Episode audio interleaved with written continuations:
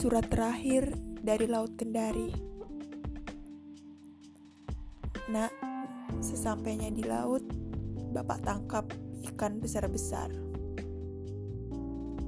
Bapak pikir hari ini untung banyak kita. Kan ada hari di mana Bapak tidak sanggup menangkap ikan lebih dari ini. Jadi senang sekali Bapak. Apa yang terjadi, tetapi hari ini nak, ikan-ikan sedang berbaik hati. Hari ini hari apa nak? Tanggal berapa? Bulan apa? Akan Bapak ingat sebagai hari tangkapan ikan yang besar. Jadi, nanti Bapak bisa datangi laut setiap hari yang seperti ini. Di tanggal yang sama, di bulan yang sama pula. Hari ini seperti ada yang beda, Nak. Entahlah.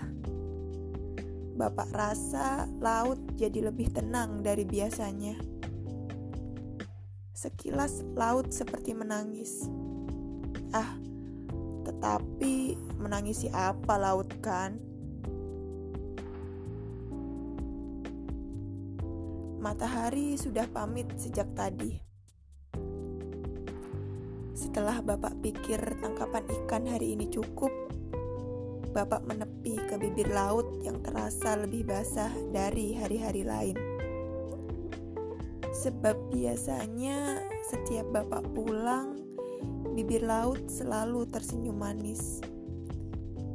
Bahkan ketika Bapak mengeluh sebab tangkapan yang sedikit, mungkin ikan-ikan pergi ngambek.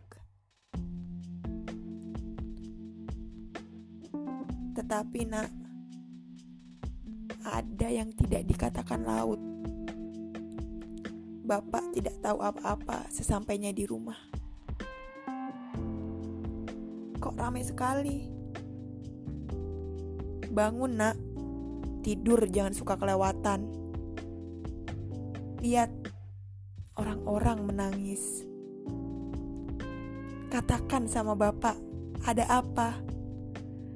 Ayo ceritakan.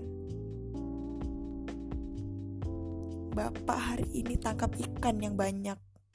Kau pilihlah yang paling besar. Bangunlah, Nak.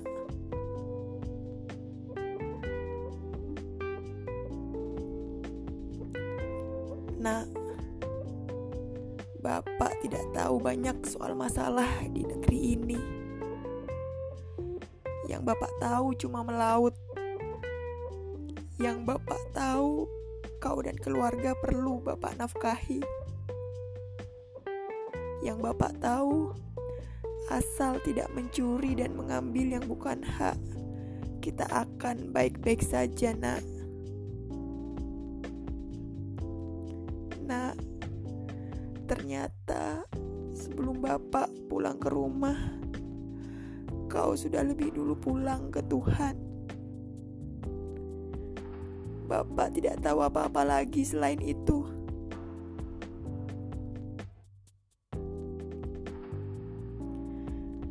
Kalau di negeri ini sudah tidak aman, maka di dekat Tuhan selebihnya kau Bapak titipkan. Tidurlah nak, tak usah bangun, tak apa. Bapak pulang lagi saja ke laut. Hari ini laut sedang sedih. Bapak mau hibur dia.